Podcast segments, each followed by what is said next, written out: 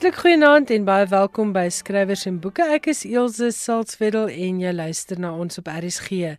Baie welkom spesifiek aan die jonger luisteraars wat ek hoop vanaand voor die radio sit, want vanaand praat ons met julle en ons praat oor die soort boeke wat julle deesdae in Afrikaans kan lees. Ek het 'n paar jong luisteraars gekry om vir my hulle indrukke te gee van enkele Afrikaanse boeke, maar dan het ek ook 'n hele klompie lekker boeke waarvan ek julle sommer net gaan vertel. Dit is vir kinders um baie klein waar die ouers gaan moet voorlees. So dan praat ek eintlik met die oupas en die oumas en die ma's en die pa's, maar ek praat ook met kinders wanneer ons gesels oor boeke vir kinders van so 6 tot 12 jaar en dan weer met jong mense van 12 tot 18 jaar.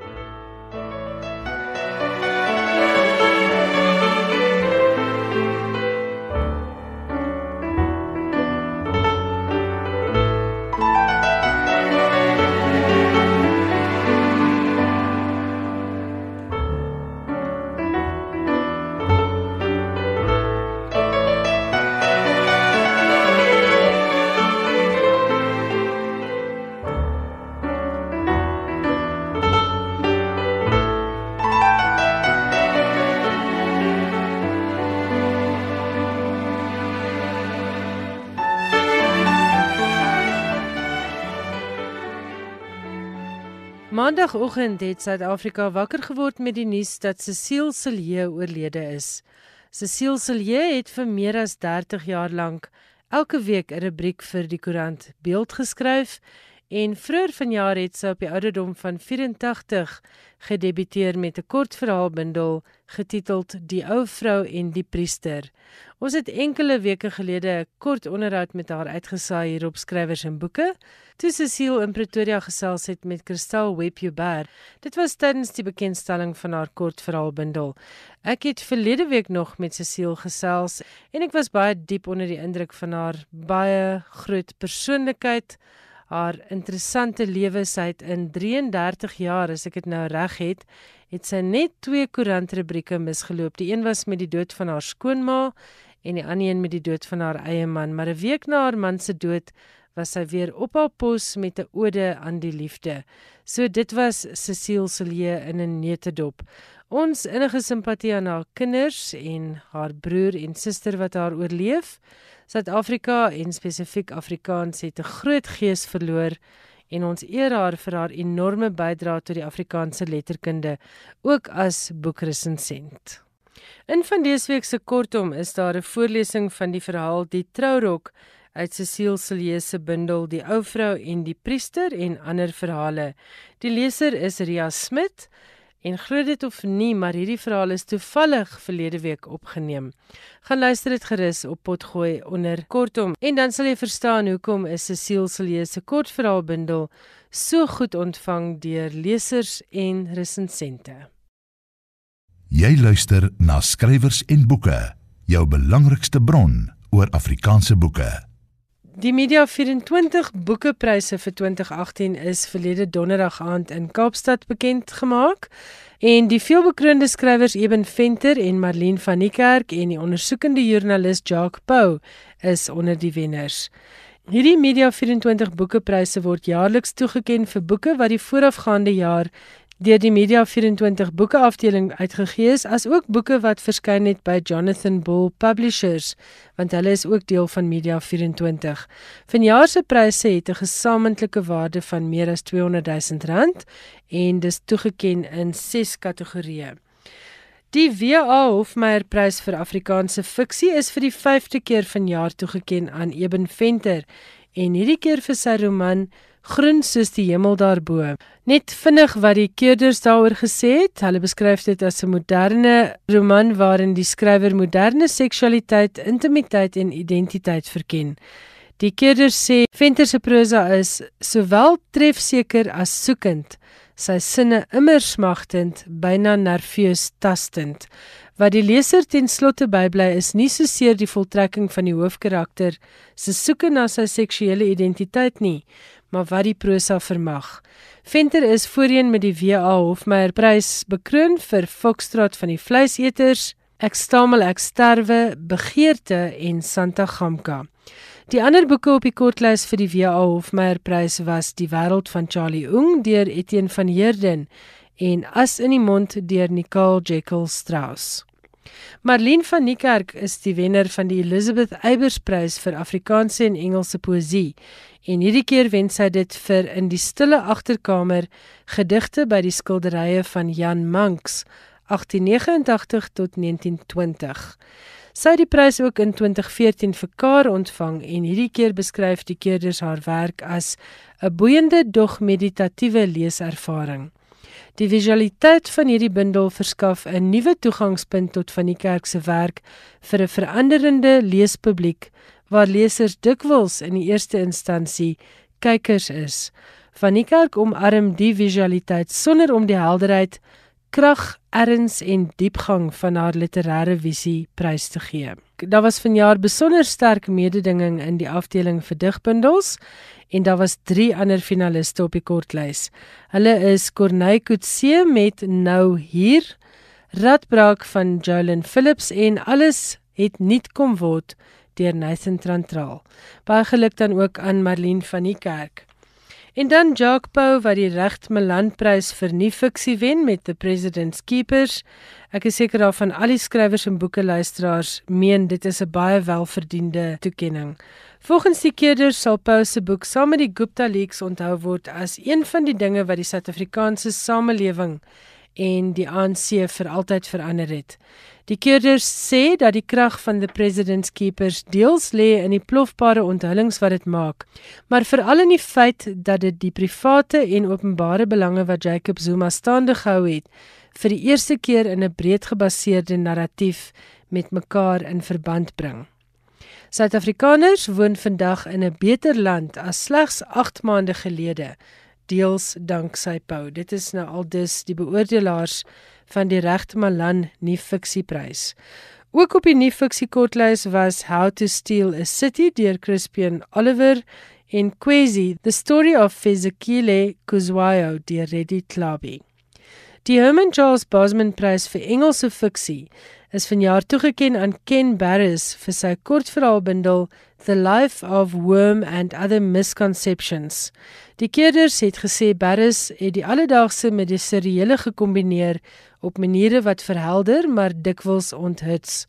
Dit is 'n uitsonderlike versameling stories wat die leser deurgaans boei, amuseer, met weersin vervul en akkiet bewus hou van die Suid-Afrikaanse werklikhede. Die ander titels op die kortlys vir vanjaar se Herman Charles Bosman Prys vir Engelse fiksie was I Am Pandora's deur Michiel Heinz en Being Carrie deur Conita Loxton. Die wenner van die MER prys vir jeugromans in Afrikaans en Engels is Karen Kratz met Bloue snee kleur nie. Dis ook verlede jaar bekroon met die Sanlam prys vir jeuglektuur en dis die tweede keer dat Karen die MER prys vir jeugromans verower. In 2016 het sy dit gekry vir Elton, amper famous en Juffrou Brom. Die ander titels op die kortlys was Hap deur Leslie Beek en Soon deur Jan Vermeulen. Die MER prys vir geïllustreerde kinderboeke is toegekend vir The All Africa Wildlife Express, geskryf deur Rosamund Hayden en geïllustreer deur Tony Pinchak. Die boek het meegeding met Karel Kraai se gitaar, deur Louise Smit met Loan Serfontein as illustreerder en Liewexie en die sterretjies kombuis, ook gebaseer op die oorspronklike verhaal van Werner Vels en geïllustreer deur Wian Olofsen. Die kinders moes 'n baie moeilike taak gehad het om tussen al hierdie boeke te kies. Baie dankie vir julle tyd en opoffering en baie geluk aan al die wenners van die Media 24 boekepryse.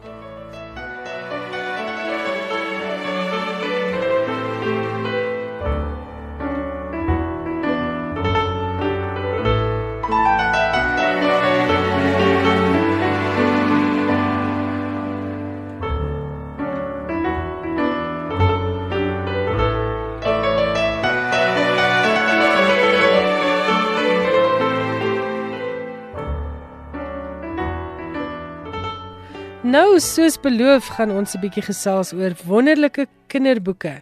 En ek dink dit is goed om dit in te deel in voorleesboeke vir die heel klein kindertjies, Uh selfleesboeke vir kinders van 'n sekere ouderdom en dan vat ons die kategorieë soos wat die kinders ouer word. In die voorleeskategorie het Protea Boekehuis vier boeke vir my gestuur wat regtig pragtig is. Is jy bang in die bos, Papa Wolf is 'n vertaling van die Belgiese kinderboekskrywer Jan de Kinder se boek Ben jy bang in het bos, Grote Wolf. En dis 'n boek wat so bietjie tong in die kies omgaan met die rooikappie storie, want hierdie keer is dit Papa Wolf en Wolfie wat die bos gaan verken. Papa Wolf is glad nie op sy gemak nie want hy sien oral gevaar. Wolfie probeer om sy pappa moed in te praat en hardloop vrolik vooruit. Dis 'n pragtige geïllustreerde en humoristiese prenteboek wat verwys na Rooikappie. So die kleintjies gaan ook die verband kan trek tussen twee stories en die illustrasies maak dit werklik waar 'n wonderlike boek om op jou boekrak te hê vir die heel ou kleintjies. Die vertaler was Amelia De Val en die uitgewer is Protea Boekehuis wat vreeslik baie internasionale fiksie vir ons kinders in Afrikaans vertaal om sodoende hulle wêreld baie groter te maak. Nog 'n Jande kinderboek wat deur Protea Boekehuis uitgegee word, is Rooi, waarom boelies nie snaaks is nie. Dit gaan oor Toby wat bloedrooi bloos oor die kleinste dingetjies en dan word hy die skoolboelies se maklike prooi. Die boek se tema is basies hoe om jou maat te help as jy self bang is die boelies kom jou by. Dis 'n baie lekker dun boekie wat dit ideaal maak vir 'n slaaptyd storie en op hierdie baie subtiele manier kan jy jou kind van jongs af bemagtig om sterk te staan teen boelies en om te weet wat om in so 'n situasie te doen.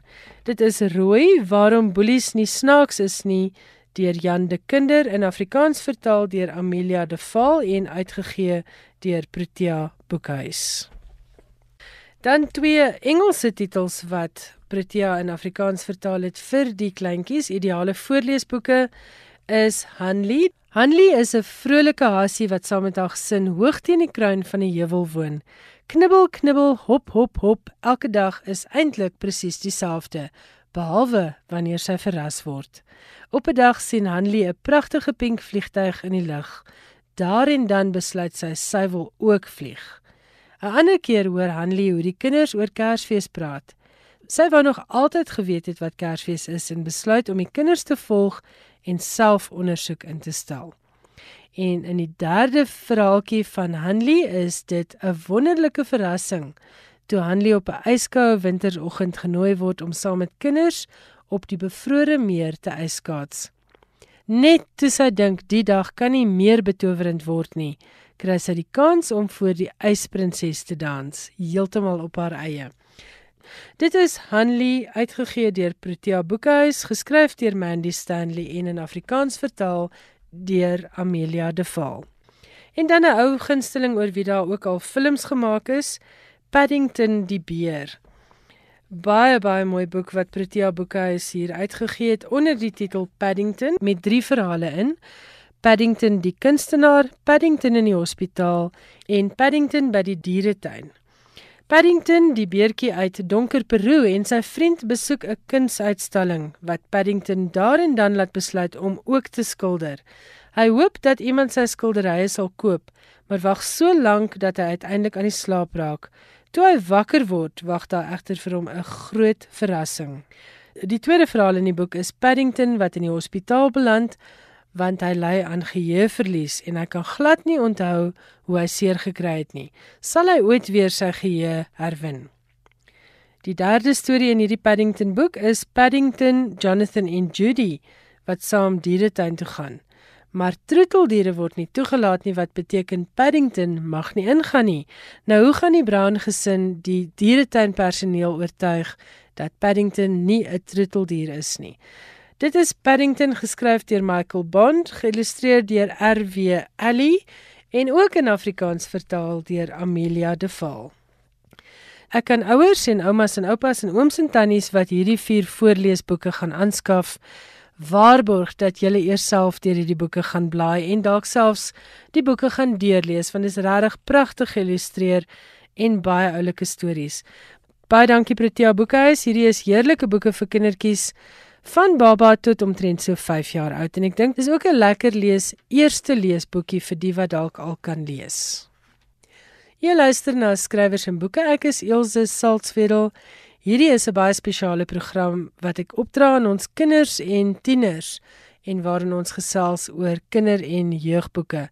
Nou gaan ek jong luisteraartjies die kans gee om te gesels oor wat hulle gelees het vir skrywers en boeke.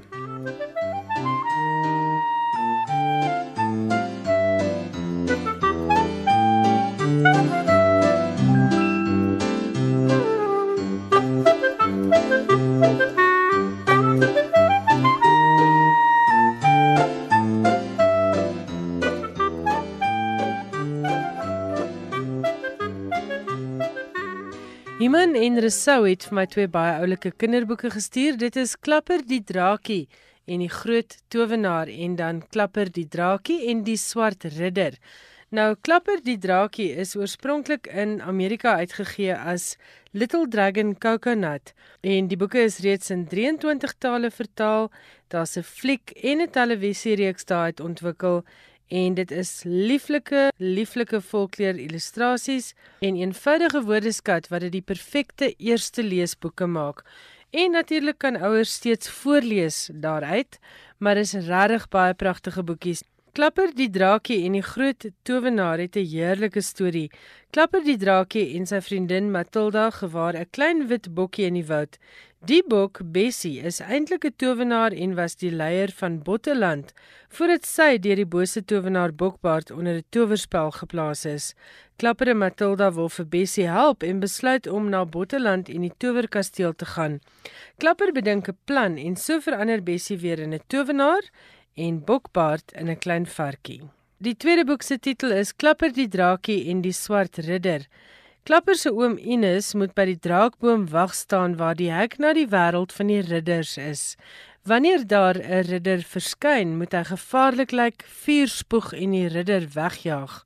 Maar oom Ines word deur 'n swart ridder ontvoer en Klapper moet sy oom gaan red. Hy ontmoet dan die baie eerbare ridder Karel en saam bedink hulle 'n plan wat in albei van hulle se guns stel. Soos ek gesê het, Klapper die Draakie is 'n Amerikaanse kinderboekreeks deur Ingo Zigner. Dis reeds in 23 tale vertaal en nou ook beskikbaar in heerlike Afrikaans. Die boeke is geskik vir 5 tot 7 jariges. Maar ek het vir Kara Oosthuizen gevra om vir ons 'n bietjie daarna te kyk en haar mening daaroor te gee. Ek is Kara Oosthuizen en ek is in Laerskool Fairland en ek is 11 jaar oud. Klapper die draak en die groot towenaar. Daar was eendag 'n een klein draakie en sy maatjie wat 'n eystervarkie was. En hulle het een dag 'n geluid gehoor en toe gaan hulle op 'n groot avontuur en het twee towenaars ontmoet. Dit was 'n diere storie en 'n fantasie storie. Ek het gehou van die eystervarkie. Ek dink nogal jonger mense gaan hom meer geniet dan my ouderdomsgroep, soos dalk my kleiner niggie of bietjie ouer kinders, so 7 of 8. Ek dink alle kinders, meisies en seuns sal van hierdie boek hou. Dit was baie mooi en eilike prentjies en baie kleurvolle prentjies. En so gesels Kara Oosthuizen.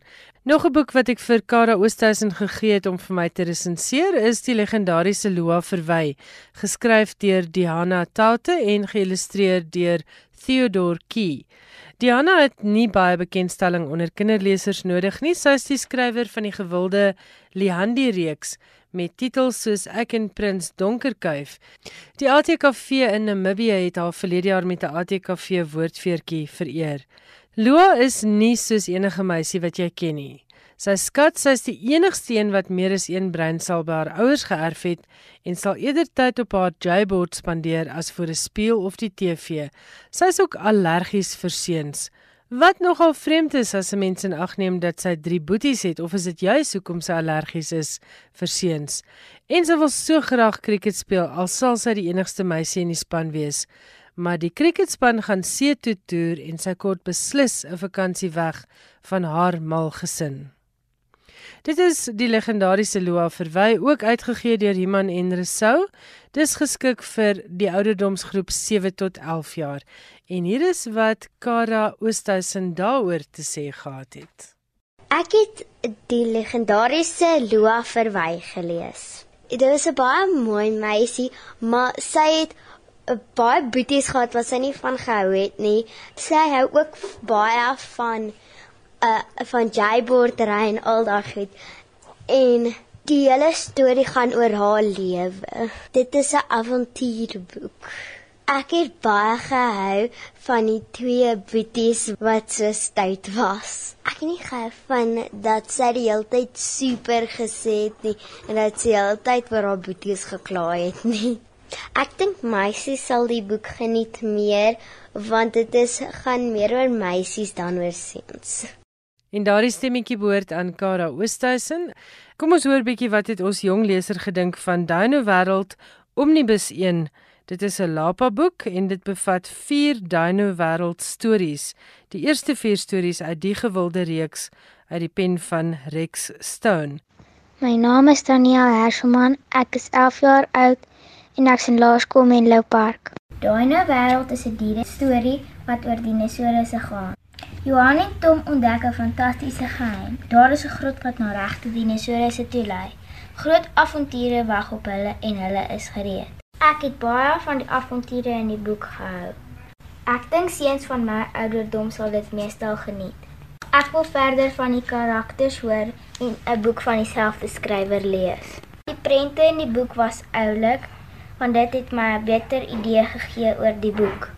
Die Dino Wêreld reeks word uitgegee deur Lapa Uitgewers.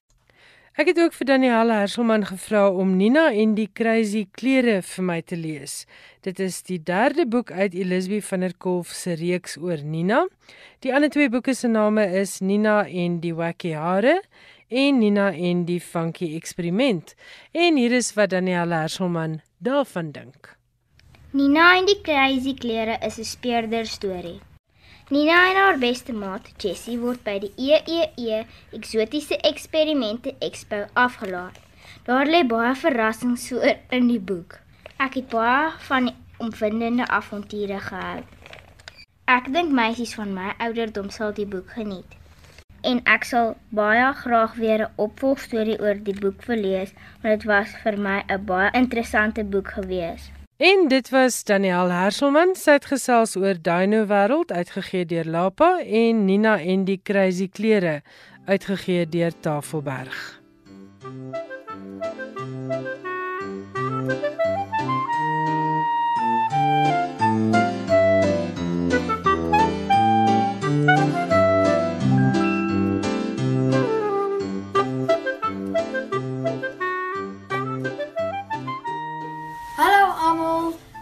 Aiden Mans, ek kom van Laerskool Verend en ek is 10 jaar oud. En daardie entoesiastiese stemmetjie behoort aan Aiden Mans. Ek het vir hom gevra om Jaco Jacobs se twee boeke Gevaarlike lopies en Diskant die doodlyn wat onlangs in 'n omnibus verskyn het by Lapa te lees. In gevaarlike lopies kan Henk nie wag vir die krieketoer om te begin nie. Wat kan nou lekkerder wees as om saam met jou vriende die land plat te toer en die een krieketwedstryd na die ander te speel. Maar van die begin af is dit duidelik dat hierdie nie 'n gewone toer is nie. Wie probeer by die span se bussie inbreek en wat soek hulle? Is daar regtig iemand wat snags in die koshuisgange rondsluip of is dit net Henk se verbeelding? In Diskan die doodlyn is Werner en sy vriende die hoofkarakters. Hulle leef vir rugby en hierdie jaar is hulle vasbeslote om hulle aardsvande 'n ding of twee op die rugbyveld te wys. Maar iets is verkeerd. Wie is die geheimsinnige man wat snags by die skool rondsluip en waarom gebeur daar skielik allerlei vreemde dinge met Werner hulle se rugbyafrigter? Lekker sportstories vir seuns van so 9 jaar en ouer. So die storie gaan oor 'n klomp seuns wat op 'n krieketoer gaan. En daar was een meisie wat ook sou krieket saam met hulle speel. Ek het sommer baie van die boek gehou. Dit het gegaan oor vriendskap. Hulle het 'n bietjie woorde gebruik wat nogals vir ouer kinders was. Ek dink seuns sou hierdie boek geniet, Dit sal lekker wees vir seuns want dit gaan oor sport, cricket en grappies. Aiden het gesels oor Diskan die doodlyn en gevaarlike lopies, twee sportstories uit die pen van Jaco Jacobs, gerieflik en bekostigbaar saamgebind in 'n omnibus wat by Lapa Uitgewers beskikbaar is. Dit is vir seuns van 9 jaar en ouer. Nie lank nadat die 13-jarige Miek saam met sy ouers in Vreesbaai kom woon het nie, begin vreemde dinge gebeur. Nie net is hierdie kusdorpie permanent toe onder digte mis nie, maar Miek word skielik gedurig gekonfronteer met sy grootste vrees, 'n monsteragtige, woedende hond. Gou lyk dit asof sy nuwe vriende by die skool elkeen 'n geheim met hulle saamdra. Dit is die eerste titel in 'n heerlike nuwe reeks grillstories vir jong lesers tussen die ouderdomme van 9 en 12 jaar. Dan is daar ook 'n tweede grolgrypersboek uit die pen van De Wet Hugo, hy is 'n laerskoolonderwyser en dit is sy eerste reeks boeke. Hy is bekend vir bydraes in Rympies vir Pikkies en Peters, Liedjies vir Pikkies en Peters, Skrik op die lyf, Rympies vir kleintjies en kleuters en Skool is 'n riller. Grolgrypers 2 se titel is Web van die Mummy en hier ontmoet ons vir Pippa wat nog altyd nagmerries kry oor haar grootste vrees, spinnekoppe. Net voordat sy hulle plaas Moordkuil in die Karoo verlaat om 'n nuwe skooljaar in 'n koshuis in die Parel te begin, word die gemummifiseerde liggaam van 'n meisie in 'n bergskeur op die plaas ontdek. Is dit die liggaam van haar pa se vermiste suster? En asof dit nie genoeg drama in Pippa se lewe veroorsaak nie, is haar nuwe kamermaat by die koshuis gaande oor spinnekoppe. So lees gerus Web van die Mummy, dit is Pippa se verhaal, dit is ook vir kinders 9 tot 12 jaar. En hier is wat Aidenmans gedink het van die vloek van Vreesbaai. Die storie gaan oor 'n seentjie wat in 'n nuwe dorpie getrek het en vreemde dinge gebeur. Die storie is interessant en jy weet nooit wat om te verwag nie. Die storie is nogals regtig skerry en jy is nogals bang om in die bed te klim in die aand. Die boek is meer vir ouer kinders. Ek sal definitief nog 'n boek deur die skrywer wil lees want hy maak dit baie interessant. Die Grillgrypers reeks word uitgegee deur Iman en Resou. Baie dankie aan Kara Oosthuizen, Aiden Mans en Daniel Herselman vir hulle insigte in nuwe Afrikaanse kinderboeke. Nou ietsie vir ouer kinders. Dit is vir tieners van 12 tot 16 jaar. En wat is dan nou lekkerder vakansieleesstof as 'n perdeverhaal? Kyk in harmonie deur Jacolet van der Berg is 'n wonderlike boek oor perde en oor aanpassing, vriendskap en verlies. Kate se hele lewe is op sy kop gekeer. Haar pa verloor sy werk in Johannesburg en hulle moet sak en pak Parel toe trek na 'n plaas toe. Dit beteken Kate moet nie net haar vriendinne nie, maar ook die stadslewe agterlaat en haar broer met sy plek in die eerste rugbyspan en sy leerlingraadsbalkie prysgee. Sommige die eerste dag op uitkyk trek een van die perde kyk se aandag. Sy naam is Harmonie, 'n wit en bruin hings met vuurige donker oë, maar sy naam pas glad nie by hom nie want hy is in harmonie met net mooi niks. Wanneer iemand dit naby hom waag, raak hy wild en hy laat ook glad nie 'n saal op sy rug toe nie. Wil die plaaseienaar se seun bied aan om vir Kate perdrylesse te gee, maar hy maak geen geheim daarvan dat hy reken die stadsjapie meisiekind gaan glad nie die mas opkom nie. Kate in Harmonie word uitgegee deur Lapa Uitgewers en is geskryf deur Jacolet van der Berg. Die boek was op die kortlys van Lapa Uitgewers se jeugroman kompetisie vir 2017. Dan iets vir ouer tieners tussen die ouderdom van 12 en 16 jaar. Dit is Christine Neser se Pink is nie vir sissies nie. En sover ek weet is hierdie die eerste tienerboek in Afrikaans met bergfietsry as 'n tema. Nikki is 'n willewragtig op 'n bergfiets. Die heel lekkerste is om die seuns se reaksie te sien wanneer hulle besef dis 'n meisie wat sopas vir hulle weggery het. Toe word Nikki wreed aangeval en van haar fiets beroof en haar hele wêreld tuimel in mekaar. Wie sal so iets doen? Nikki en haar vriende Felicity en Donovan pas die legkaart in mekaar en wat hulle uitvind, toets hulle geloof in hulle medemens en ook hulle eie waardes. Pink is nie vir sissies nie deur Christine Neser word uitgegee deur Tafelberg. Dit dan finansie boeke vir die jong klomp, maar ons gaan later in die vakansie weer 'n bietjie oor tiener en jeugboeke gesels. Skrywers en boeke. Alles wat jy oor die boekewêreld wil weet en meer. Dis nou tyd vir Johan Meiburg met 'n lekker internasionale boek insetsel. Ek sien op jou lysie daar's iets van die Pen Pinterprys en dan het jy vir my gesê Lionel Shriver het alweer uh, opslag gemaak en dan het jy vir ons die beloofde terugvoer oor die Women's Fiction Prize wenner. Dis reg, ja. Kom ons begin met die Pen Pinterprys. Die 2018 Pen Pinterprys is toegekend aan die Nigeriese skrywer Chimamanda Ngozi Adichie. The Times Literary Supplement het tevore na Adichie verwys as die toonaangewendste onder Engelssprekende skrywers wat daarin slaag om 'n nuwe geslag lesers oor te haal na Afrika letterkunde. Die Pen Pinterprys is genoem na die Britse dramaturg en Nobelpryswenner Harold Pinter en word toegekend aan 'n skrywer van formaat wat in die woorde van Pinter in sy toespraak toe hy die Nobelprys vir letterkunde in 2005 ontvang het, daarin slaag om 'n onwrikbaar gerigte blik op die wêreld te vestig en met 'n vurige intellektuele ingesteldheid die eintlike waarheid van ons lewe en gemeenskappe beskryf. Die skrywer Antonia Fraser, Pinter se weduwee, het by die aankondiging Adichie beskryf as 'n skrywer wat beskik oor die eienskappe van moed en uitgesprokenheid, kwaliteite wat Pinter hoog geag het. Die beoordelaars het Adichie aangeprys vir haar gesofistikeerde begrip van gender, ras en ongelykheid reg oor die wêreld. Sy lei ons deur die swaai deure van identiteitspolitiek, het Maureen Freely, voorsitter van die Pen Trustees gesê.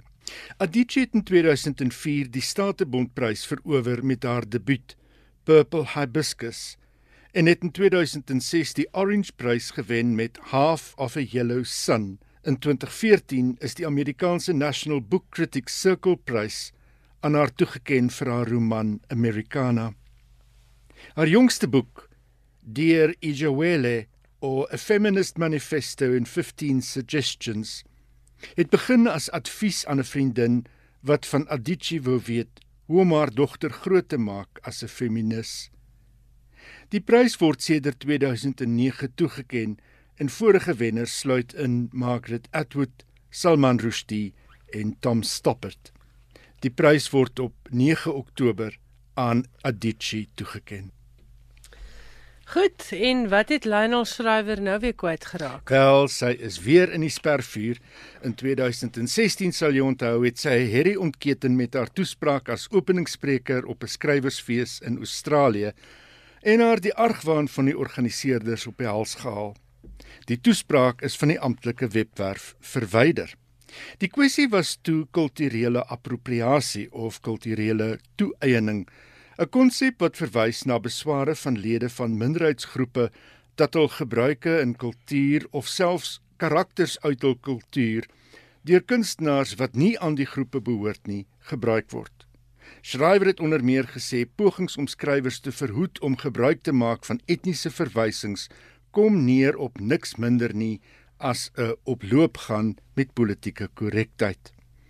Die jongste relletjie volg op haar uitlatings in Spectator oor Penguin Random House se oogmerk om teen 2015 'n meer diverse personeelkorps en outeurslys te kan hê. Schrywer het die uitgewer reus beskryf as dronk van deugsaamheid. Van nou tot 2025 gaan letterkundige uitnemendheid tweede viool speel, het sy gesê Solank boksies soos etnisiteit, gender, gestremdheid, seksuele voorkeur en power opvoeding net afgemerk kan word.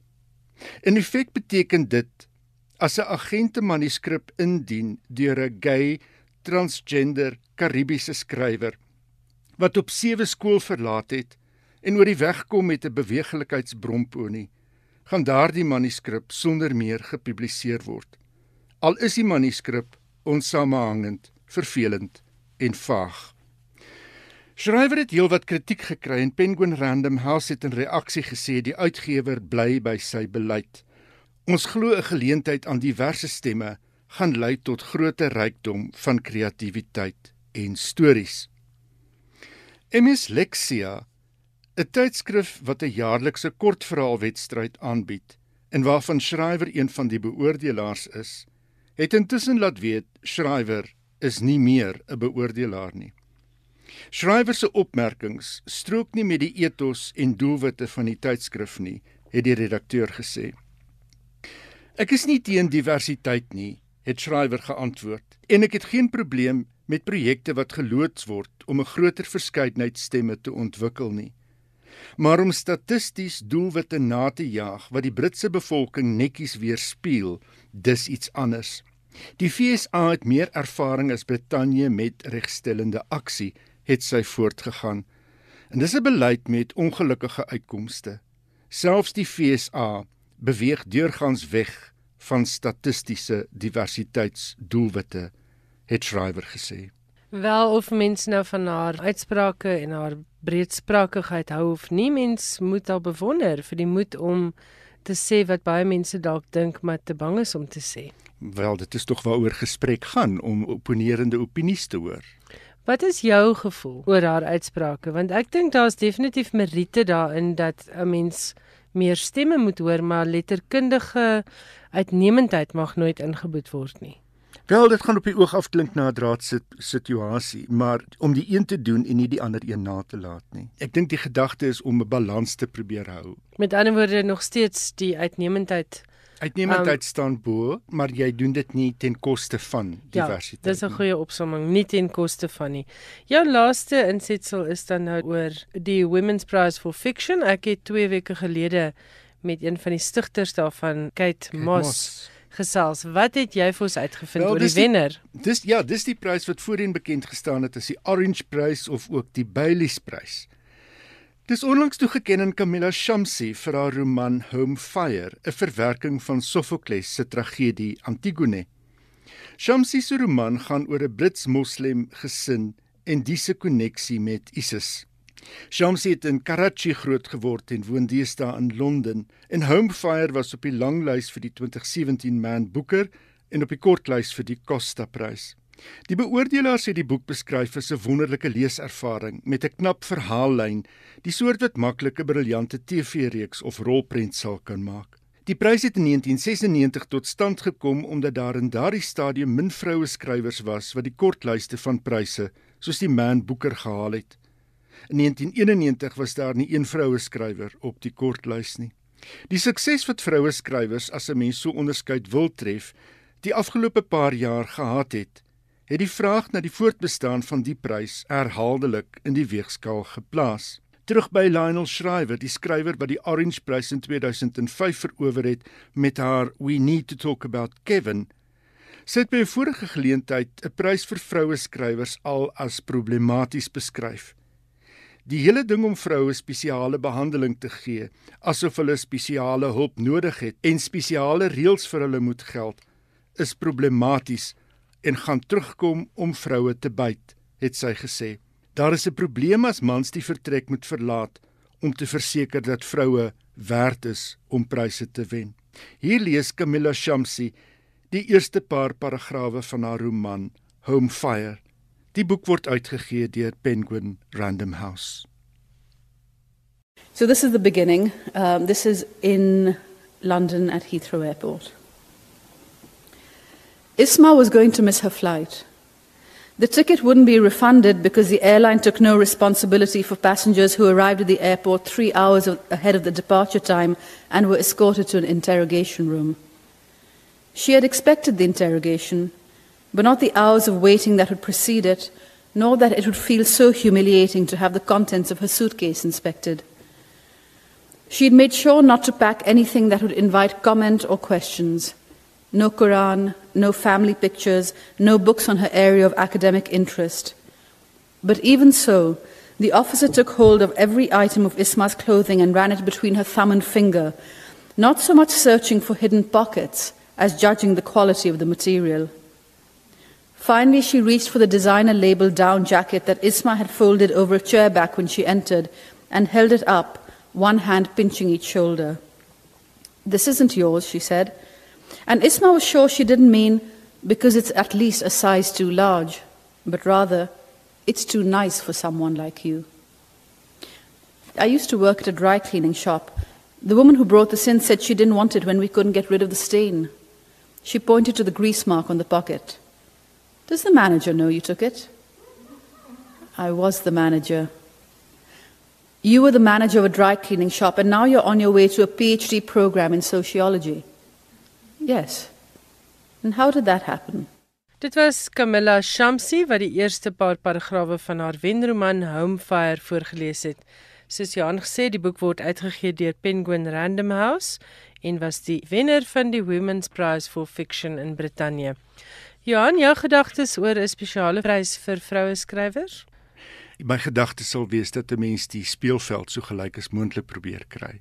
Dat jy jou energie insit dat mense gelyke geleenthede begin kry. Met ander woorde, ietsie soos 'n ontwikkelingsfonds vir vroue skrywers of so iets in plaas van net 'n prys vir 'n enkele kategorie. In plaas van 'n spesifieke prys vir vroue skrywers, sou ek dink dat 'n mens as jy dan agterkom dat daar ongelykhede is, dat dat mens probeer om die ongelykhede so ver as moontlik uit die uit die weg te ruim dat die speelveld so gelyk as moontlik kan kom. Interessant. Vir luisteraars wat verder daaroor wil debatteer, gaan luister gerus ook na my onderhoud met Kate Moss, die stigter van die Women's Prize for Fiction oorspronklik die Orange Prize. Uh, sy het baie sterk standpunte oor hoekom dit moet voortgaan. En interessant dat Lionel Shriver die prys kritiseer wat sy gewen het, het in 2005. Ja, maar haar argument is jy moes dit aan die gang kry ja, en nou ja. is dit aan die gang, nou moet dit nou goed. en nou moet dit ophou. Ja.